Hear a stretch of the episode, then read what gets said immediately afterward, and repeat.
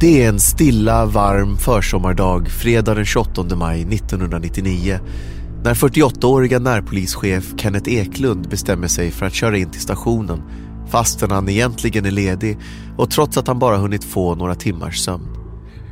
Han är nyss hemkommen från en semesterresa tillsammans med sin fru Inger och nu vill han arbeta bort traven med papper som vuxit på skrivbordet medan han varit borta. Eh, jag hade inte haft någon som hade vikarierat så jag kände ju mitt ansvar och visste ju då hur pappershögarna växte på skrivbordet. Eh, tillståndsansökningar, eh, olika beslut som skulle tas. Och jag ville inte att det skulle bli liggande då till måndagen. För att ja, jag åker ner till jobbet en stund och fixar undan det här. Så blir det trevligare på måndagen sen när jag kommer. Kenneth kör de 30 minuterna från sitt hem till Kisa, sex mil söder om Linköping, genom det nyss utslagna försommarlandskapet. När han kommer in till stationen löper dagen på ungefär som planerat. Under förmiddagen åker han på ett inbrottsförsök och eftermiddagen går genom att Kenneth betar av den där pappershögen. Framåt halv tre-tiden är han redo att logga ut. Men då ringer telefonen. Eh, min eh, sekreterare då så att säga, hon som jobbar i reception, svarar och säger att eh, Kenneth är Anders Gunnarsson på kommunikationscentralen i Linköping. Hon räckte över luren till mig och han säger då att eh, vi har fått in ett överfallslarm från Östgötabanken som det heter då. Eh, vi vet inte vad det är. Förmodligen kan det vara ett rån. Vi har skickat så mycket folk vi har härifrån Linköping. Man kan då åka ut och titta och se vad det är. Men ingrip inte. Att samtalet som Kenneth Eklund tar emot den här fredagen den 28 maj 1999 ska leda till att Sverige drabbas av ett av vår tids största brott vet han inte än. Hela landet kommer skakas av händelsen. Och för Kenneth är det ett brott som kommer att påverka honom, hans fru och hans kollegor resten av livet. Men just nu, klockan 14.42 när Kenneth precis har lagt på luren, är det i det närmaste ett rutinärende. Det här är ju eh, vilket jobb som helst man eh, åker på Eh, i polisiära sammanhang när man har suttit och åkt radiobil och så får man ett, ett samtal på radion att det är pågående inbrott i en affär eller butik eller något. Eh, så det är, det är inget speciellt med just det här då. Jag heter Alexander Karim och du lyssnar på Brottet inifrån. Serien där de som var med om Sveriges mest uppmärksammade brott berättar hur det var ur sina perspektiv. Sen kom ju mardrömmarna och man låg och sköt ihjäl folk om nätterna här uppe i drömmarna och svettades och for runt och ja, man trodde ju man skulle bli tokig. Och där vi hör människor som jobbar med brott och möter drabbade. Det brukar ju inte sluta så här tragiskt eh, som det gjorde i det här fallet. Och man vet ju då man har jobbat inom polisen att det här var ett väldigt stort trauma för polisen. Eh, även hos eh, väldigt många anhöriga till poliser att man har varit rädda och man har verkligen sagt att du, vad som än händer, du ska komma hem levande. Eh, och gör det du behöver för att kunna göra det helt enkelt. Den här episoden, morden i Malexander.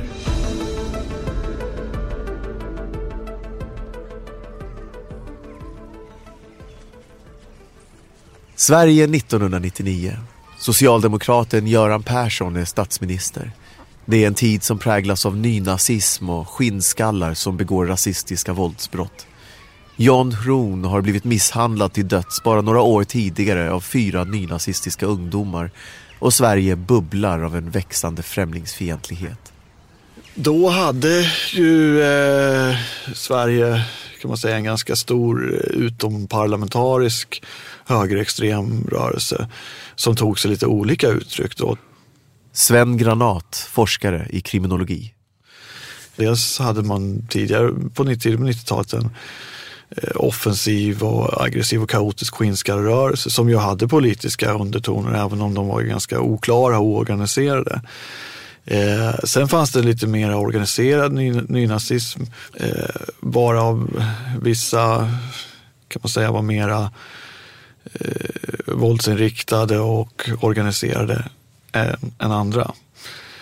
Eh, men jag tror att man också måste se det här i termer av att, att just bankrån var ett fortfarande då ganska stort fenomen också och att de blev mer och mer välorganiserade. Så att det var liksom både en, eh, kan man säga, underjordisk politisk våg och en vanlig kriminell våg som liksom förenades här.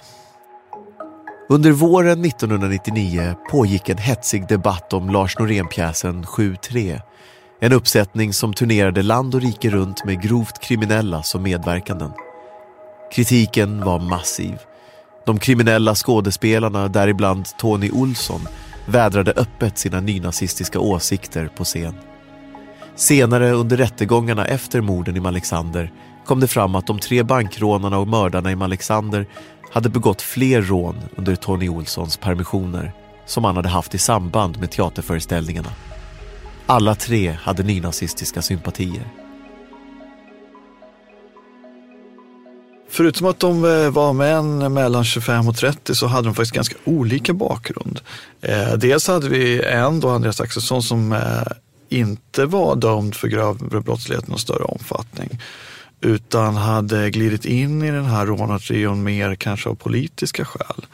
Eh, sen hade vi Tony Olsson som var mer en typisk eh, rånartyp egentligen, som hade en lång kriminell karriär som började tidigt vill säga tidiga stölder och sen eh, personrån i tonåren, eh, misshandelsbrott in och ut på anstalter, tidigt känd och socialtjänsten också, havererad skolgång. Egentligen allting klassiskt för en lång kriminell karriär som sen kan sluta i just de här allra grövsta rånen.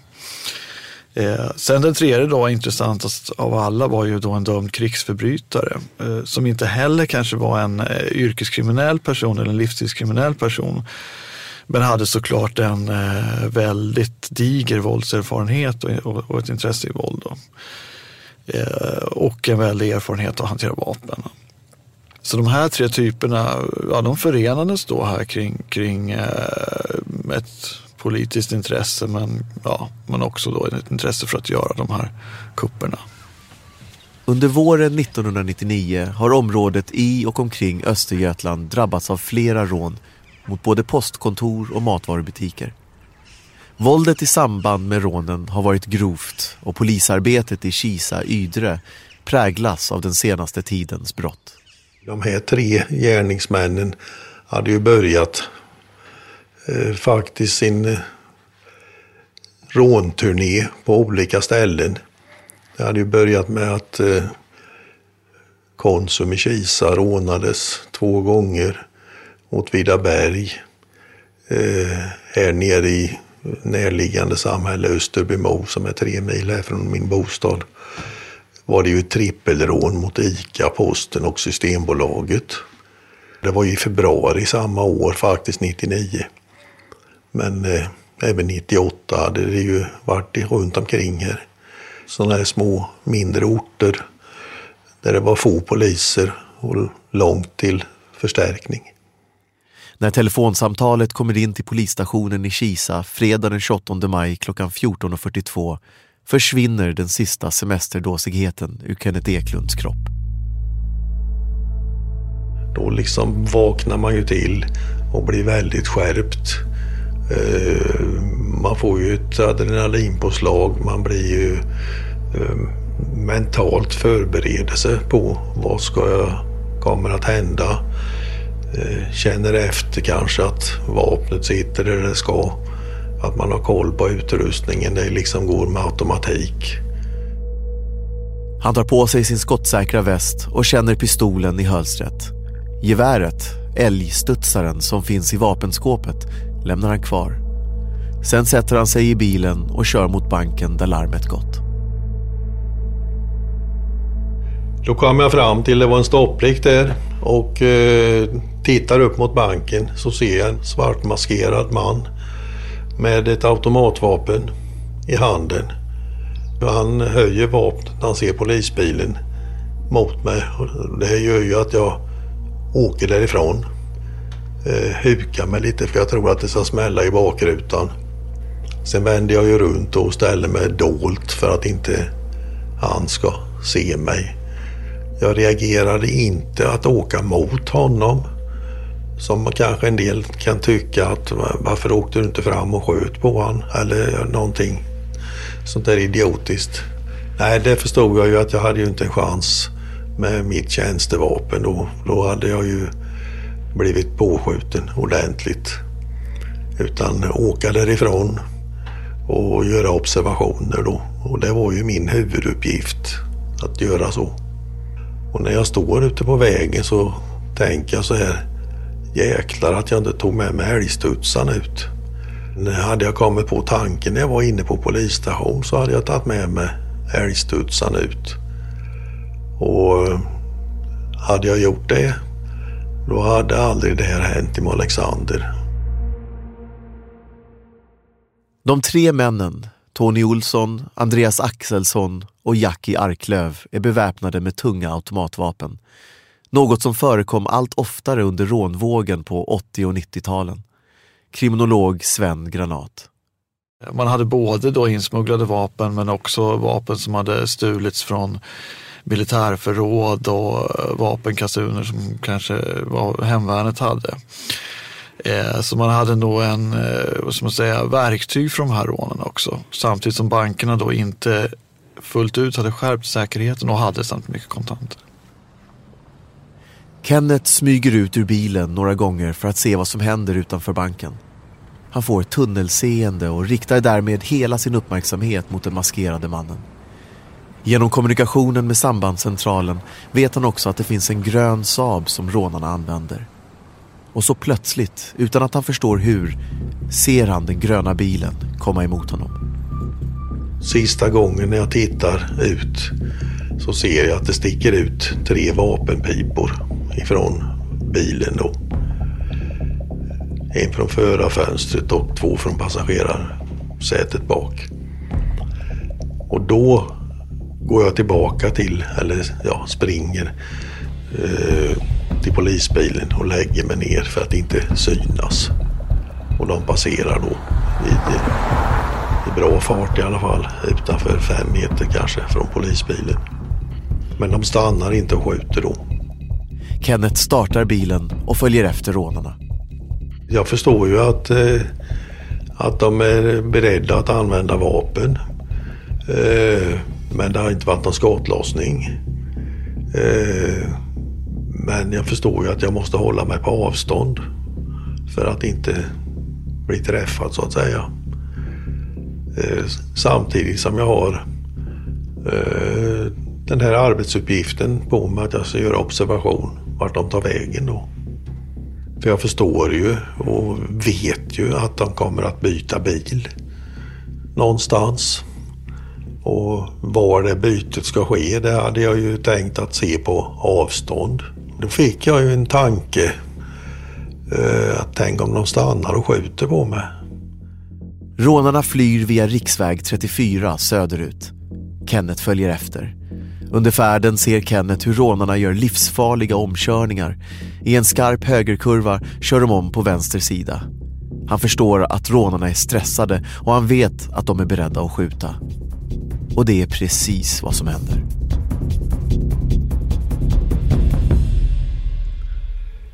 Och efter när jag kommer ur samma kurva här så har de stannat då kanske 100-150 meter bort och är ur och skjuter mot mig och den här andra bilisten då.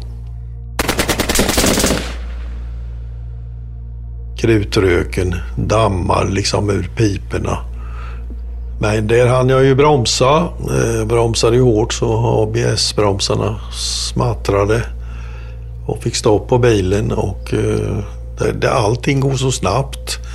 Så man hinner inte liksom planlägga eller tänka sig att vad händer nu om jag fortsätter eller någonting sånt. Utan eh, eh naturligtvis, jag har ju fått den frågan tidigare. Hade du gjort likadant idag om du hade vetat facit? naturligtvis inte, brukar jag säga. Eh, det hade man ju inte utan eh, då hade ju inte, skulle man ju inte fortsatt efter första beskjutningen. Men eh, eh, ja, för mig blev reaktionen så att nej, nu jävlar måste vi se vart det tar vägen så att de åker fast så att säga. Eh, jag kunde ju liksom inte i min vildaste fantasi föreställa mig att de hade stannat igen så att säga, lite dolt. Men de tre rånarna nöjer sig inte med att skjuta mot Kenneth från bilen. Snart lämnar de den gröna saben och går mot Kennets bil med vapnen riktade mot polisbilen. Hade jag legat kvar i bilen så hade de ju bara gått fram och, och avlivat mig så att säga. Man är ju beredd liksom att det kameran svartnar för ögonen. Jag var ju helt övertygad om att, eh, att jag... Här kommer jag att dö nu. Kenneth bestämmer sig för att lämna bilen. Han tar sikte på en sjö bredvid vägen. Jag springer ju för att komma undan, men jag vet inte vart jag ska komma. Jag ser ju att det är vass och buskage och grejer. Men eh, jag sjunker ju ner till knäna nästan.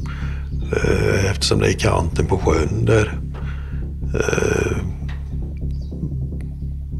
målsättningen är ju att försvinna bort därifrån så att säga. Men vad som händer och var jag ska gömma mig eller hur det ser ut, det har jag inte en aning om. Inte den blekaste.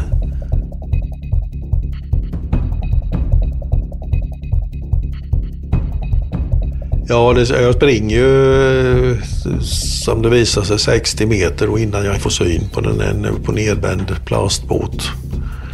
Och eh, där eh, lägger jag mig ner och, och gör mig skjutklar så att säga.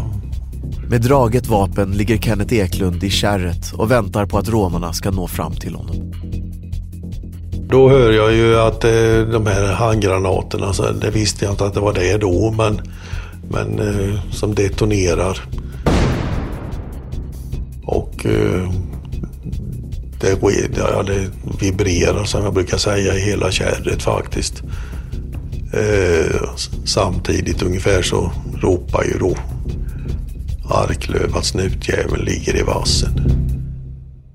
Kenneth blir liggande i kärret i tio minuter. Efter en stund ger rånarna upp sökandet och fortsätter sin flykt men det vet inte Kenneth där han gömmer sig i vassen. Jag kände mest efter om jag var skottskadad.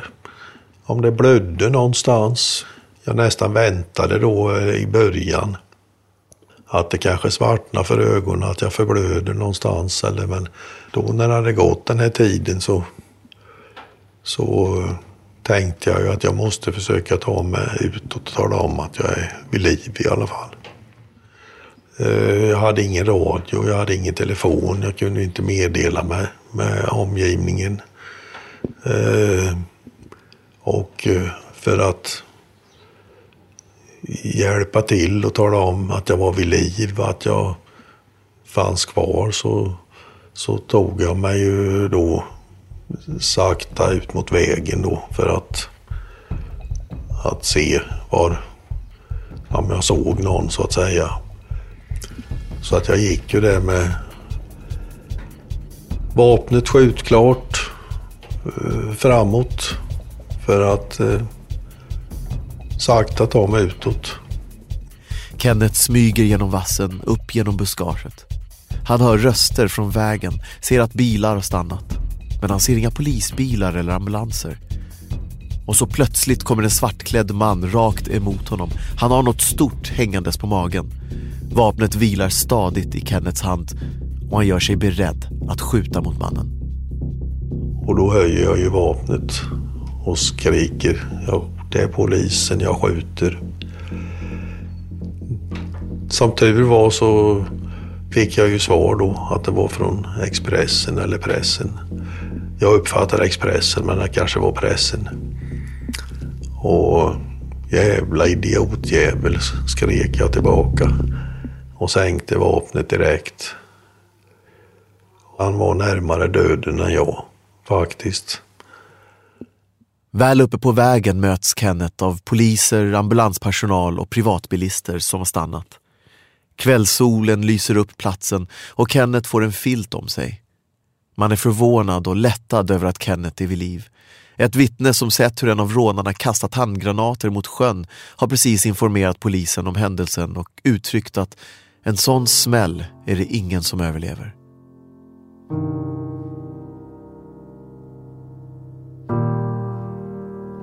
Kenneth får frågor om hur han mår och han som ännu inte nåtts av chocken svarar att allt är bra. Han blir hindrad av sina kollegor att fortsätta jakten. Däremot känner Kenneth själv att det är viktigt för honom att återvända till banken. Han vill prata med personalen och se hur de mår. Samtidigt fortsätter rånarna sin flykt. I Alexander, bara några mil från Lillsjön där Kenneth Eklund just blivit beskjuten, öppnar rånarna eld igen. Då mot poliserna Robert Karlström och Olle Borén som båda skjuts till döds på nära håll av rånarna.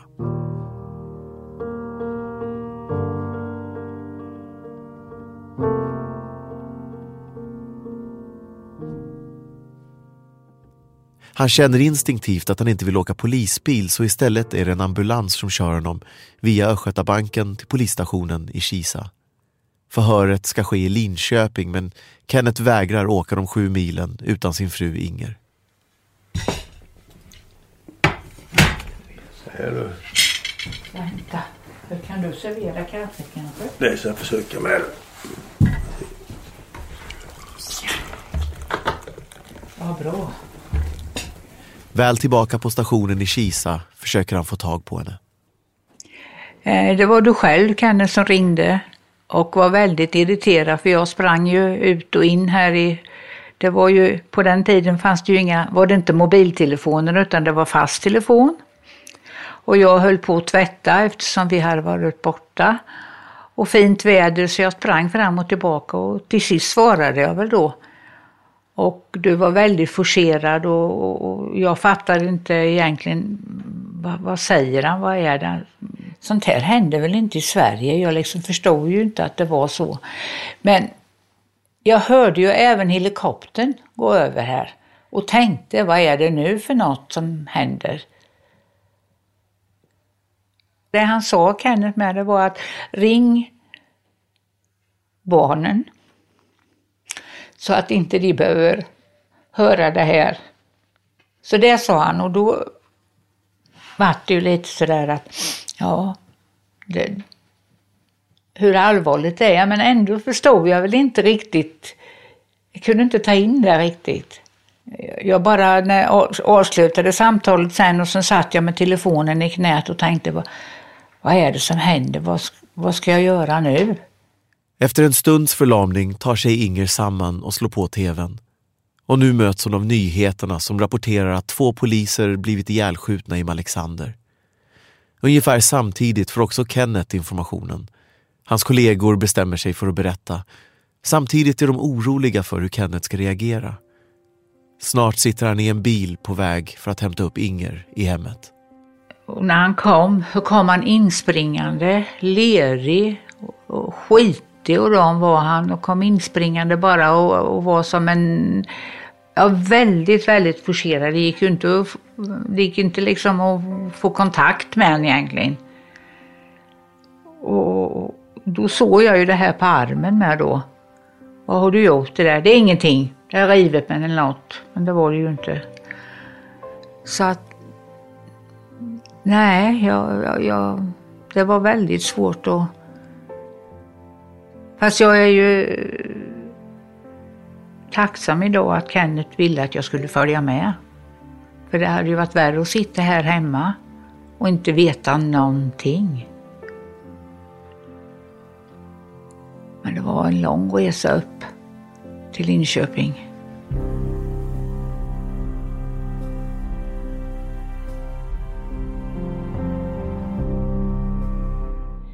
När vi kommer upp till Linköping så säger Kenneth ändå när vi kommer upp till polishuset.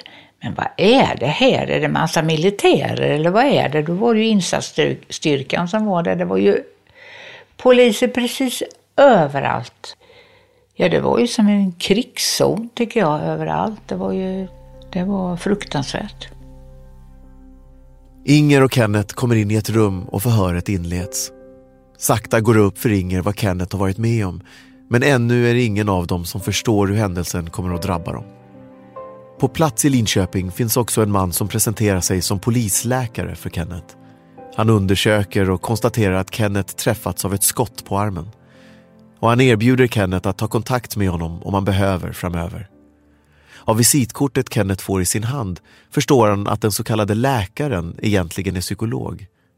Psykologen blir en viktig person som Kenneth kan vända sig till framöver.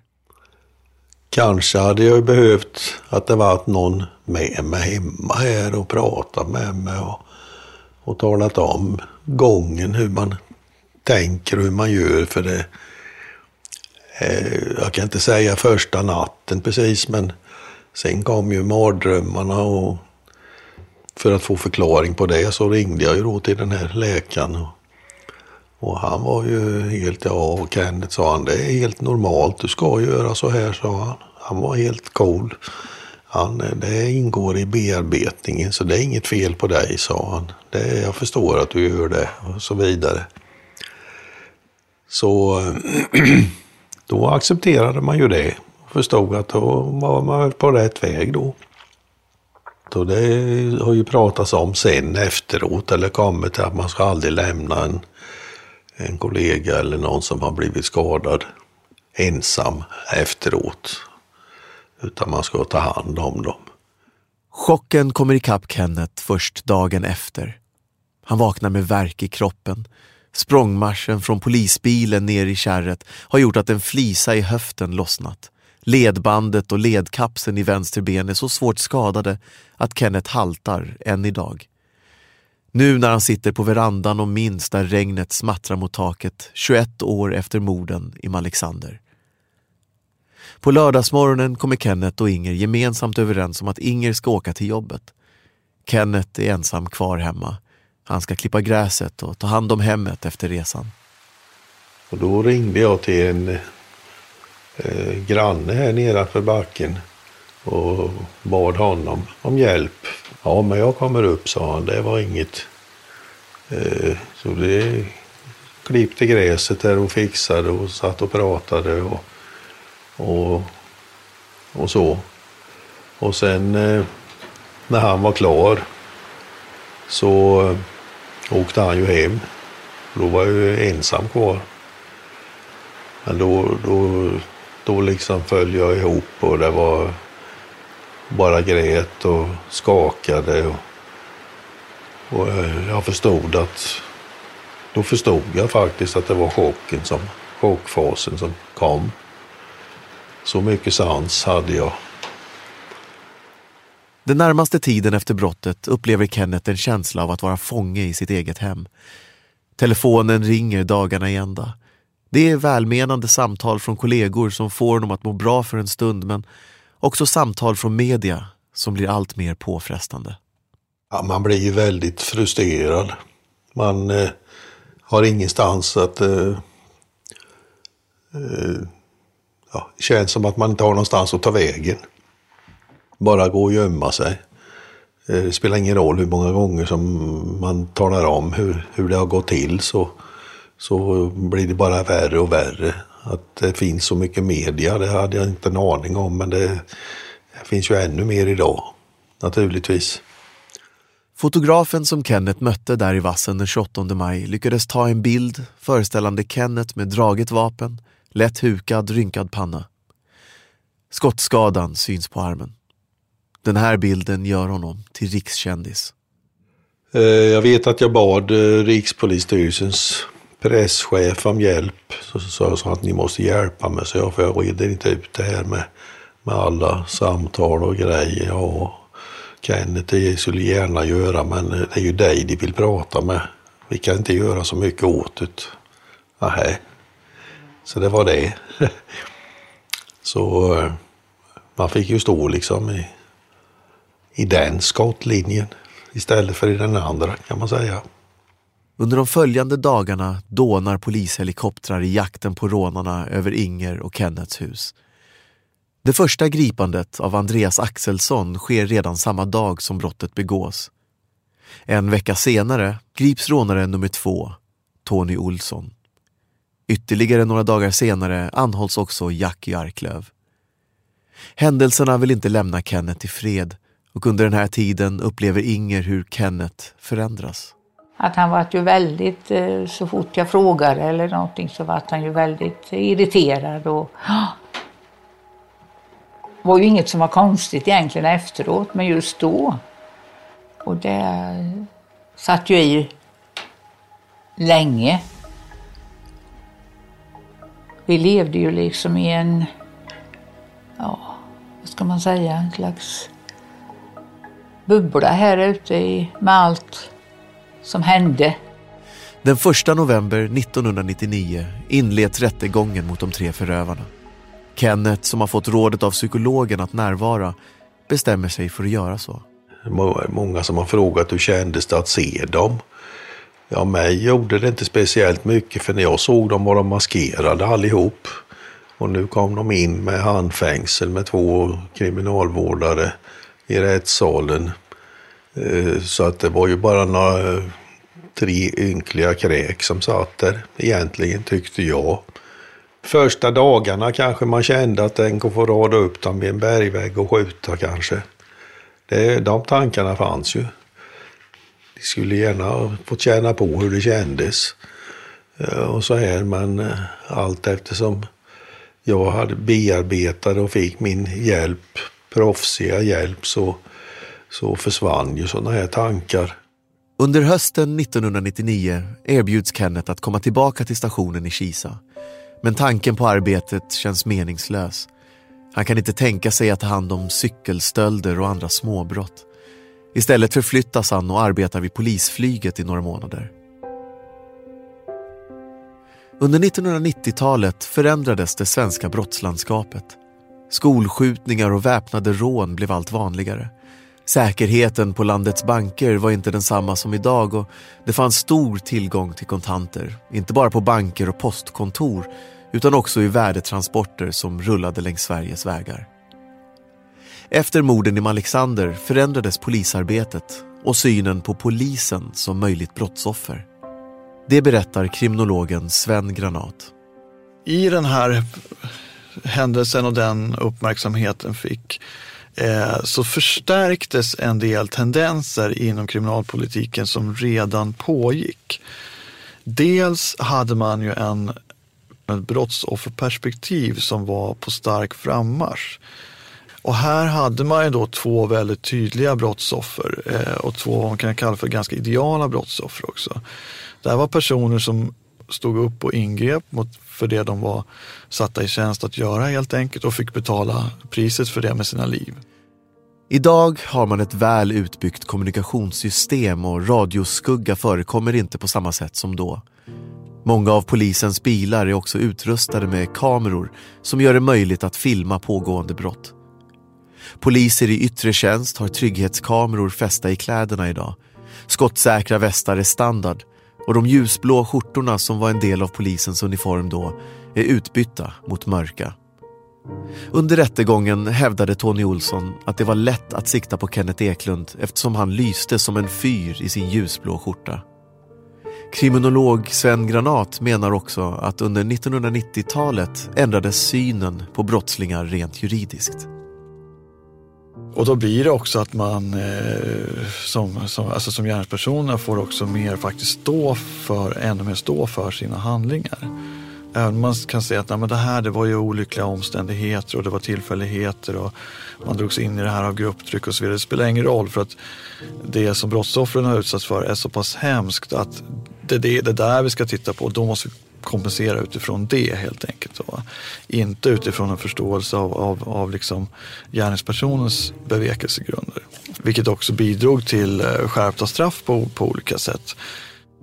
Den 8 juni 2001 fastställer Göta hovrätt Linköping tingsrätts dom om livstidsfängelse. De tre rånarna, Jackie Arklöv, Tony Olsson och Andreas Axelsson döms för morden på Olle Borén och Robert Karlström. De döms också för mordförsöket på Kenneth Eklund. Nu har två av de tre beviljats villkorlig frigivning. Tony Olsson släpps fri 2023 och Andreas Axelsson släpps året innan. Kenneth Eklund funderar på om han tycker att det är rimligt att polismördarna släpps fria. Eh, de har ju fått avslag tidigare för det här brottet är ju, är ju extremt allvarligt som de har sagt här då i Örebro tingsrätt har man blivit nekade några gånger. Och eh, det hänger ju ihop med det här. Det finns ju de som har ställt frågan, är det allvarligare att skjuta en polis än skjuta en vanlig människa? Och juridiskt sett är det ju inte det, för det är ju samma straff. Men däremot är det ju ett angrepp mot hela rättssamhället. De skjuter ju inte mot mig bara för att jag är Kenneth Eklund utan de skjuter mot mig för att jag är polis och eh, ska upprätthålla lag och rätt så att säga. Eh, på det viset är det ju allvarligare. Man ska nog skydda samhället från, från eh, att sådana här kommer ut och hittar på nya hus. Jag menar de satt ju två, de satt ju redan avtjänade straff när de fick de här permissionerna och skulle eh, ha de här teatrarna och det, det är ju, ja. Tycka man vad man vill om det men det går inte faktiskt att återanpassa alla. Tror inte jag. Man måste försöka skydda andra mot det. För Kenneth flyter livet på i behagligt tempo hemma på gården i Östergötland. Idag är han pensionär och tillbringar de flesta av sina dagar i det vita huset med utsikt över åkrar och skog. Bara några hundra meter bort ligger en sjö. Dit går han tillsammans med Inger för att ta sig ett dopp på somrarna. Ibland gör han en utflykt ut i landet för att föreläsa eller intervjuas.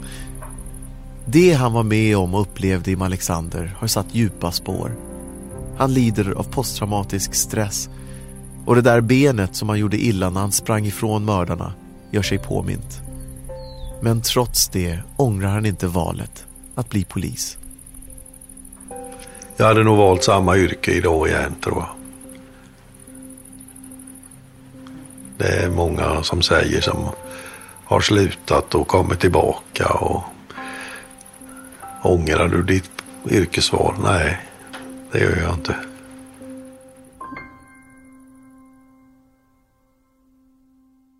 Du har lyssnat på Brottet inifrån. Programledare var jag, Alexander Karim och producent Anna Berg. Tekniker Daniel Högberg. Brottet inifrån görs av SMT Medieproduktion exklusivt för Podme.